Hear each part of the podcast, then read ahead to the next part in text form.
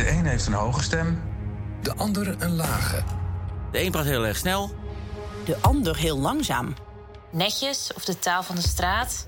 En sommige mensen hebben een spraakgebrek. Of een hele rare, herkenbare stem. I am your father. Mensen verschillen in hoe ze spreken. Ze hebben allemaal een eigen stemgeluid, een eigen accent en een eigen woordenschat. En zo kan dit stemgeluid helpen bij het herkennen van criminelen. Het NFI heeft daar specialisten voor in huis. Getrainde sprekerherkenners. Ze ontwikkelen steeds slimmere manieren om stemmen te identificeren, ook digitaal. In deze podcast leggen we ons oor bij hen te luisteren. Je luistert naar De Stille Getuigen, een podcast van NRC XTR in opdracht van het Nederlands Forensisch Instituut. Ga voor meer podcasts en informatie over het NFI en vacatures naar nfi.nl/slash podcast.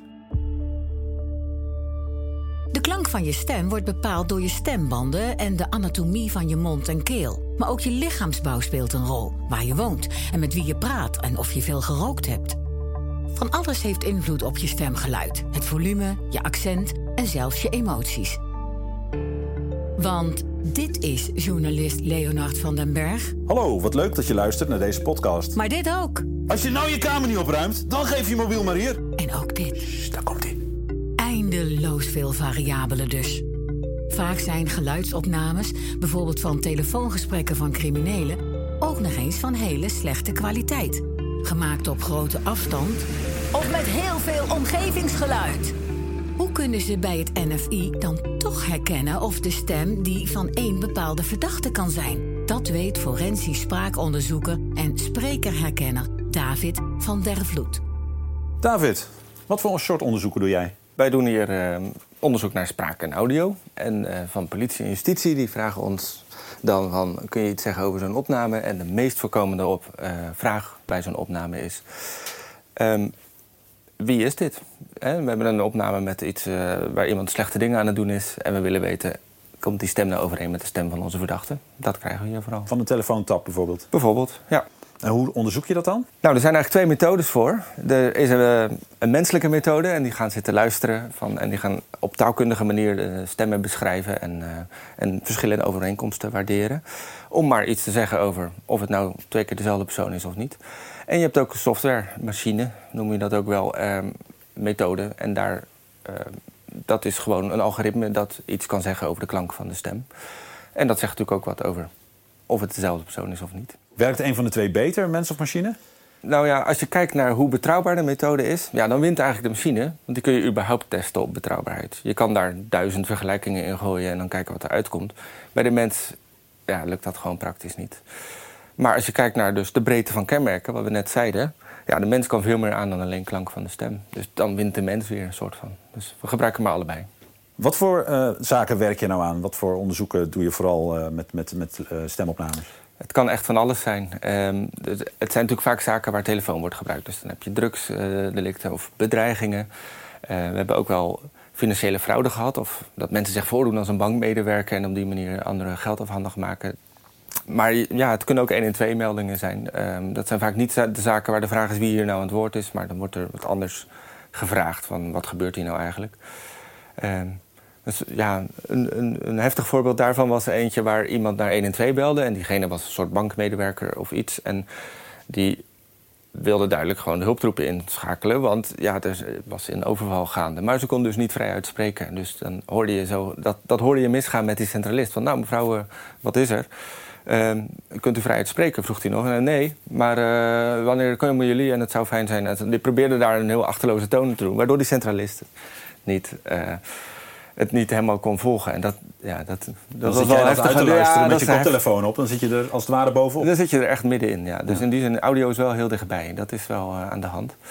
Um, ja, en dus veel verschillende zaken. Er zijn ook die drugsdealers, dat kunnen ook uh, gesprekken lang zijn... dat het echt niet interessant is en dat ze gewoon alleen maar afspreken achter de Albert Heijn. Ja, weet je, ja. Dat is er natuurlijk ook. Nou. Kun je eens een stukje laten horen en waar je dan op let? Ja, ik zal wat laten horen. Uh, best een spannende opname. Ik moet wel zeggen, we hebben het in scène gezet. Ik sta nu hoek bij het station. Ja, ja, ja, ik sta hier. Het is vrij rustig. Het regent wel keihard. Dus ik hoop dat ik hem meteen herken. Weet jij welke jas die aan heeft? En heeft hij een paraplu bij zich? Nou, dit is dan dus een telefoongesprek dat getapt is. En de politie luistert mee. En dan hebben we dit gesprek gehad. Maar dan ongeveer een half uurtje later komt dit gesprek. Hij slaapt, hij slaapt, zeker weten. Ik wil weg hier, man. Ik moet weg. Het wordt met druk hier. En dat is dus een voorbeeld van zo'n daderopname. En wat je hierin merkt is dat iemand... Het is een hartstikke spannende situatie. Iemand is buiten, je hoort ook allemaal winterhuis. En dat spannende zit ook in zijn stem. Je, je hoort dat iemand met meer vocal effort, noemen we dat, praten. Dus een beetje meer geanimeerd. En, um, dus de stem is ook wat hoger. Hij, hij praat wat sneller. Um, en dat zijn allemaal dingen waar we rekening mee houden... als we nou ook echt spraakkenmerken gaan meten. Ja, als ik nu zijn stemtoonhoogte ga zitten meten... moet ik wel dat erin verdisconteren. Van ja, hij zit natuurlijk wat hoger dan normaal. Zo, analyseer je zo'n uh, zo'n opname. Maar je gaat natuurlijk vergelijken met de stem van de verdachte. En dat kan bijvoorbeeld uit een politieverhoor komen. Dus dan krijg je hier een politieverhoor met de verdachte. Nu denk ik hoe laat zei je? Ah, station, ja, ik ben in ieder geval niet met de trein weg geweest. Ik, met, uh, ik was volgens mij met vrienden op pad of zo. Ja, ik kan best in de buurt geweest zijn, maar... Ja, meestal gaan we naar de Joppen. Het zit, ja, dat is eigenlijk wel, wel in de buurt van het station. Maar... Nou, heel ander soort opname. Hier zit iemand gewoon op zijn gemakje te praten. Misschien niet helemaal op zijn gemakje, want een verhoor is natuurlijk ook... dan ben je ook een soort van lage status in zekere zin. En dan gaan mensen dus ook een beetje zo een beetje onderuitgezakter praten. Um, je merkt bijvoorbeeld dat hij op een gegeven moment zo weinig vocal effort heeft... dat hij een beetje zijn stem zo begint te kraken. Hè? Uh, waar, waar we zijn, zoiets zei hij. Dat is voor jou lastiger. Nou, het is vooral een groot verschil met het eerdere gesprek. Want daar zit je in de la la la la la la. En dan en heb je dus een heel ander soort stemgebruik. En aan, aan ons is de vraag, is dit nou dezelfde persoon? Ja, als je op al die punten gewoon al verschillen hebt door de opnameomstandigheden... wordt het lastiger interpreteren. Dus, um, maar goed, duidelijk, de taalvariant kwam hier wel overeen. Um, de, ook ongeveer de spreektoonhoogte, stemhoogte... gecompenseerd voor de verschillende situaties, komt ook wel overeen. En zo zijn er veel meer kenmerken als je hierin zou duiken. Um, maar zo, zo werkt dat dus. Je hebt dus vaak dit soort hele mismatch opnames ook vaak niet, gelukkig. Maar uh, zo gaat dat vergelijken. Dus ook altijd met context van waar luister ik nou naar. Dat is wel van belang voor het interpreteren, ja. Ik ben heel benieuwd hoe je nu echt zeker kunt weten of het de juiste persoon is. Want er zijn heel veel variabelen, zeg je. Ja. Wanneer weet, heb je genoeg zekerheid? Kijk, zekerheid, dat heb je nooit. Ik bedoel, stemmen zijn ook niet uniek, zeg maar. Je kan pas zeggen dat een stem uniek is als je de hele wereld hebt onderzocht. Dat heeft niemand. Dus je kan het alleen hebben over hoe erg lijkt het nou op elkaar. En hoe erg verwacht je dat, het, dat die twee opnamen klinken als het dezelfde is. En hoe groot is de kans dat die twee opnamen zo klinken als het toch een ander is. En als dingen heel erg op elkaar lijken, ja, dat verwacht je als het dezelfde is. En dat verwacht je niet echt als het niet dezelfde is. Maar het kan wel, maar verwacht het niet. Dus je zit altijd in die kansrekening probabiliteit. Dus echte zekerheid, sorry, dat ga je hier niet aantreffen. Um, maar je kan wel iets zeggen over de identificerende, onderscheidende waarden. En uh, dat kan toch een gewicht zijn dat mee, meeweegt in een rechtszaak. Ja. Is het moeilijk om een stem te herkennen of kan iedereen dat? Nou, ja, dat verschilt heel erg per zaak. Hè? Soms, soms heb je uh, een kenmerk waarvan je zegt... nou, dat is wel een heel sterk kenmerk. We hebben een keer een fluitje in een kunstgebied gehad. Dus de daderopname, daar zat zo'n uh, een fluitje in een kunstgebied in. En de verdachte had het ook. En dan is dus de vraag van ja, hoe groot is nou de kans dat die dat je die twee fluitjes in de kunstgebied vindt als het dezelfde persoon is. Nou, best wel groot. Want als iemand een fluitje in zijn kunstgebied heeft, dan krijg je dat in de opname. Hoe groot is de kans dat je die twee vindt als het toch een ander is? Ja, best wel klein. Want je moet maar net nog iemand treffen met zo'n fluitje in een kunstgebied. Dus dat is een voorbeeld van waar een, een kenmerk in de audio het, het, je makkelijker maakt. Maar als eigenschap op zich, uh, stemmen herkennen, zoals mensen dat in het dagelijks leven doen, is eigenlijk misschien nog best wel veel lastiger dan de meeste mensen denken. Uh, stemmen zijn gewoon niet zo onderscheidend als mensen denken. Omdat mensen denken dat ze heel snel zijn met stemmen herkennen... maar hebben eigenlijk altijd hulp van de omgeving. Je hoort een stem op de gang in je, op je werkplaats. Uh, ja, dat kan bijna niet anders dan een collega zijn. Dus je hebt ook maar een rijtje van tien om uit te kiezen... en dan ben je best wel snel. Maar als je zonder context stemmen hoort... Ja, er zijn onderzoeken bekend van mensen die de stem van hun eigen moeder niet herkenden... Gewoon omdat de context ontbrak en ze zomaar even wat audio te horen kregen. Dus de intuïtie van mensen dat dit eigenlijk wel makkelijk zou moeten zijn, klopt vaak niet. Ehm, en wij werken natuurlijk met voor ons onbekende stemmen. En we, gaan, we zitten meer op de spraakkenmerken dan dat algehele. Dat is hem. Ja. Dus een beetje slimme crimineel die eh, zorgt dat hij niet opgenomen wordt... en gebruikt het liefst zijn mobiel niet, lijkt me. Een beetje slimme crimineel komt op een betere manier aan zijn geld dan door criminaliteit. hè? Als je een beetje een slimme crimineel bent, gebruik je je eigen telefoon niet. En de meeste criminelen doen dat dan ook niet. Ze kopen een zogenaamde delict-telefoon. Een telefoon zonder abonnement die je alleen gebruikt voor zaken die het daglicht niet kunnen verdragen en waarvan criminelen denken dat die niet aan hen gelinkt kunnen worden. Om zulke telefoons toch aan specifieke verdachten te kunnen linken, hebben de datadeskundigen bij het NFI iets slims bedacht. De samenreizen-methode. Wat criminelen vaak doen, is een eh prepaid telefoon kopen, een zogenaamde burnerphone. Die ze dan gebruiken voor een misdrijf. En ze gebruiken alleen die burnerphone eh, omdat ze weten of denken dat die telefoon niet aan hun gelinkt kan worden. En als dan na zo'n misdrijf zijn telefoon bij ons terechtkomt, dan is dan ons de vraag: kunnen wij een manier bedenken om toch die telefoon, waarvan we weten dat die gebruikt is bij het misdrijf, aan de eh, verdachte te linken? Je hoort Rolf Ipma, data scientist bij het NFI. Hij is een van de bedenkers van de samenreizen-methode. Een voorbeeld uit de praktijk. We hoorden eerder bij David een getapt telefoongesprek waarin een moord besproken werd.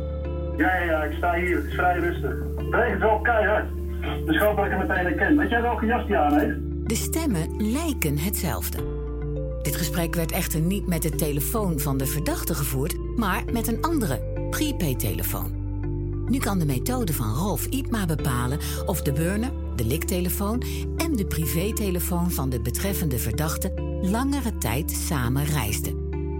Als dat het geval is, is het extra aannemelijk dat beide telefoons zijn gebruikt door dezelfde persoon, de verdachte. Rolf, hoe kun je nou achterhalen eh, of een anonieme telefoon lange tijd heeft samengereisd met de telefoon van een verdachte? Als je een telefoon gebruikt, dan maakt die verbinding met een zendmast van, eh, van je provider. En de politie heeft onder eh, bepaalde voorwaarden, strenge voorwaarden, ehm, mag die van de eh, providers vorderen welke zendmasten aangestraald zijn door een mobieltje. Ehm, dat betekent dat als wij een telefoon hebben van, waarvan we weten dat die van de verdachte is, en we hebben zo'n burner-telefoon, dan kunnen we vergelijken welke zendmasten door die twee telefoons zijn aangestraald. En als we zien dat ehm, dat heel vaak zend- dezelfde zendmasten zijn of zendmasten die dicht bij elkaar in de buurt staan, dan wordt het heel waarschijnlijk dat die twee telefoons samengereisd hebben en dus wellicht dat ze door dezelfde persoon gebruikt zijn. Jullie hebben deze methode zelf ontwikkeld. Eh, was daar een aanleiding voor? Waarom? Ja, dat was een aanleiding van eh, een moordzaak. Er was een, een moord gepleegd in Eindhoven. Ehm, en het werd redelijk snel duidelijk wie de dader was. Ehm, maar de dader was geholpen. Iemand had hem eh, via de tekstberichtje een bericht gestuurd waar het slachtoffer was, eh, zodat hij de moord kon plegen. En dat was moeilijker. Dat was namelijk eh, gedaan vanaf een burner-telefoon. Dus een prepaid-telefoon die aan niemand te linken was. Er was wel een verdachte op het oog. ehm, die had een eigen telefoon, maar die kon niet hard gelinkt worden aan de burner-telefoon. En een van de dingen die we toen gedaan hebben, is deze methode ontwikkeld, juist om die link te kunnen leggen. Dus het bleek dat de verdachte in een, een aantal dagen van tevoren zowel de privételefoon als haar burner-telefoon gebruikt had. Tijdens het delict zelf had ze heel slim haar eh, privételefoon uitgezet. Ehm, maar die dagen daarvoor waren ze op hetzelfde moment aan. En wat we daarin konden zien in die data is dat op ongeveer dezelfde momenten ongeveer dezelfde zendmasten, of ieder geval zendmasten in de buurt van elkaar aangestraald werden. Nou, dat gaf ons het vermoeden dat die twee met elkaar te maken hadden, samenreisden. En dus wellicht dat de verdachte de burnertelefoon eh ook gebruikte. Eh, dat hebben jullie in dat geval eh, specifiek bekeken, maar vervolgens heb je er een methode van gemaakt, klopt dat? Dat klopt. Dus specifiek voor die methode is dan de vraag: oké, het lijkt een beetje op elkaar, maar hoe sterk is nou dat bewijs? Kunnen we uitdrukken, statistisch gezien, ehm, is dit toeval? Kan het zo zijn dat gewoon twee mensen toevallig bij elkaar in de buurt waren? Of is het, is het wel heel toevallig? Is het heel onwaarschijnlijk dat dit gebeurt eh, als het twee telefoons zijn die onafhankelijk van elkaar reisden? Ehm, dus wat we gedaan hebben is zelf experimenten uitgevoerd. Waarbij we rond zijn gelopen met verschillende telefoons. Gekeken hebben welke eh, zendmasten die telefoons uit, aanstralen. Zodat we een goed beeld konden krijgen van als twee telefoons samenreizen. hoe erg lijken dan die patronen van zendmastaanstraling op elkaar? En als twee telefoons onafhankelijk van elkaar reizen, hoe lijken dan die zendmastpatronen op elkaar? En zo'n zendmastpatroon, dat zijn gewoon stippen op een kaart? Dat zijn niks anders dan stippen op een kaart met een tijdstempel erop. Dus op een bepaald moment uh, straal jij een bepaalde zendmast aan die op een bepaalde plek staat. En vervolgens kijk, kun je kijken als twee telefoons dat doet, op verschillende tijdstippen verschillende zendmasten aanstralen, hoe ver staan die zendmasten dan van elkaar af? Uh, en wat is het tijdsverschil daartussen? En wat je natuurlijk ziet, en dat verwacht je ook, is als twee telefoons onafhankelijk van elkaar reizen, dan ga je af en toe uh, zendmasten aanstralen in een klein tijdsbestek heel ver van elkaar afstaan. Terwijl als twee telefoons samen reizen, dan zal dat niet gebeuren. Uh, en doordat we zelf die referentie-experimenten uitvoerden, konden we een soort van statistische maat daarvoor bedenken. Trainen, leren eigenlijk uit de data. Um, waardoor we kunnen kwantificeren hoe sterk nou dat bewijs is. Hoe, hoe toevallig is het nou um, dat die twee patronen zo overeenkomen. -hmm. Want als je bijvoorbeeld als collega's veel carpoolt dan zit je met z'n tweeën in dezelfde auto en straal je op dezelfde zendmast aan. Absoluut. Maar ga je aan het eind van de dag naar een verschillend huis, om het zo maar te zeggen. Absoluut. Dus wat je, wat je kan zeggen met de methode is of het, of het erop lijkt dat twee telefoons samen reizen. Wat je absoluut niet kan zeggen is of dat is omdat één persoon de twee telefoons bij zich heeft... of omdat twee personen met allebei een eigen telefoon samen in de auto zitten. Maar typisch is het zo dat als het twee verschillende personen zijn... dat ze dan op een gegeven moment ook weer uit elkaar gaan naar een eigen huis, zoals je zegt. Ja, en dan zie je dat verschil meteen. En op het moment dat je dan te maken hebt met een crimineel met een burnerphone... dan zie je dat ook aan het eind van de dag diezelfde, die anonieme telefoon... in hetzelfde huis overnacht, zeg maar, Precies. als de bekende telefoon. Precies. Oké. Okay. Hoewel de methode is natuurlijk... we hebben ontwikkeld voor deze zaak... Uh, maar al vaak inge ingezet. En een andere zaak was bijvoorbeeld de vraag... Um, hebben deze twee mensen samen gereisd? En daar ging het wel degelijk om twee verschillende verdachten. Uh, dus daarvoor is, kan de, de generieke methode ook gebruikt worden. Hoe zeker moet je dan zijn om te kunnen zien aan de hand van de aangestraalde masten dat je echt mensen hebt die bij elkaar reizen of dat die telefoontjes in dezelfde jaszak zitten? Dat is een hele goede vraag. Wij van het NFI zullen nooit zeggen hoe zeker je moet zijn. We proberen te kwantificeren hoe en wat de kans is dat dit door toeval zou kunnen zijn gekomen. En vervolgens is het aan de rechter om daaraan uh, te koppelen of um, dit wijst op schuld of op niet. En dat zal altijd in uh, samenhangen met andere uh, gegevens of informatie die de rechter heeft binnen zo'n rechtszaak. En in het geval van die Eindhovense zaak, uh, hoe is dat uitgepakt? Wat, wat hebben jullie daarmee mee kunnen doen? We hebben meerdere stukjes bewijs verzameld, waarvan dit er één was. waar het bleek dat het behoorlijk toevallig was, um, het patroon dat we zagen. Het, kan zo zijn dat het, dat het twee verschillende mensen waren die met uh, verschillende telefoons toevallig bij elkaar in de buurt waren. Maar um, dat was redelijk onwaarschijnlijk. En samen met ander bewijs dat we konden leveren in die zaak... Heeft de rechter besloten dat de verdachte inderdaad schuldig was en ze is veroordeeld. Dat werkt nou bij mobieltjes. Maar er zijn meer apparaten met een, met een zender die, die contact houden met of GPS of wat dan ook. wel wat voor apparaten werkt dat nog meer? In principe is de methode algemeen. Dus het zou voor alles werken wat, um, wat aangeeft waar op een bepaald uh, apparaat op een bepaald moment is. Um, dus het is niet alleen je mobieltje, maar ook je fitness tracker of computer of tablet. Um, maar ook bijvoorbeeld moderne auto's hebben steeds vaker simkaarten in de auto zitten. Um, om bijvoorbeeld te communiceren met de fabrikant. En ook die kunnen gebruikt worden voor deze methode. En doen jullie dat ook al? Uh, dat doen we zodra daar een, een zaaksaanvraag voor is. Is het eigenlijk niet eng dat al die gegevens van al die apparaten zomaar beschikbaar zijn? Nou, daar zit natuurlijk nog wel wat achter. Um, de politie kan deze data vorderen, maar alleen als er serieuze verdenking is van een, van een ernstig misdrijf. Dus het is zeker niet zo dat ze van Jan en allemaal dit soort gegevens kunnen inzien. Uh, en wij bij het NFI, um, wij krijgen gewoon de data aangeleverd van de politie. Dit was De Stille Getuige. Een zesdelige branded content productie van NRC XTR in opdracht van het Nederlands Forensisch Instituut. Ga voor meer informatie en voor openstaande vacatures naar nfi.nl/podcast.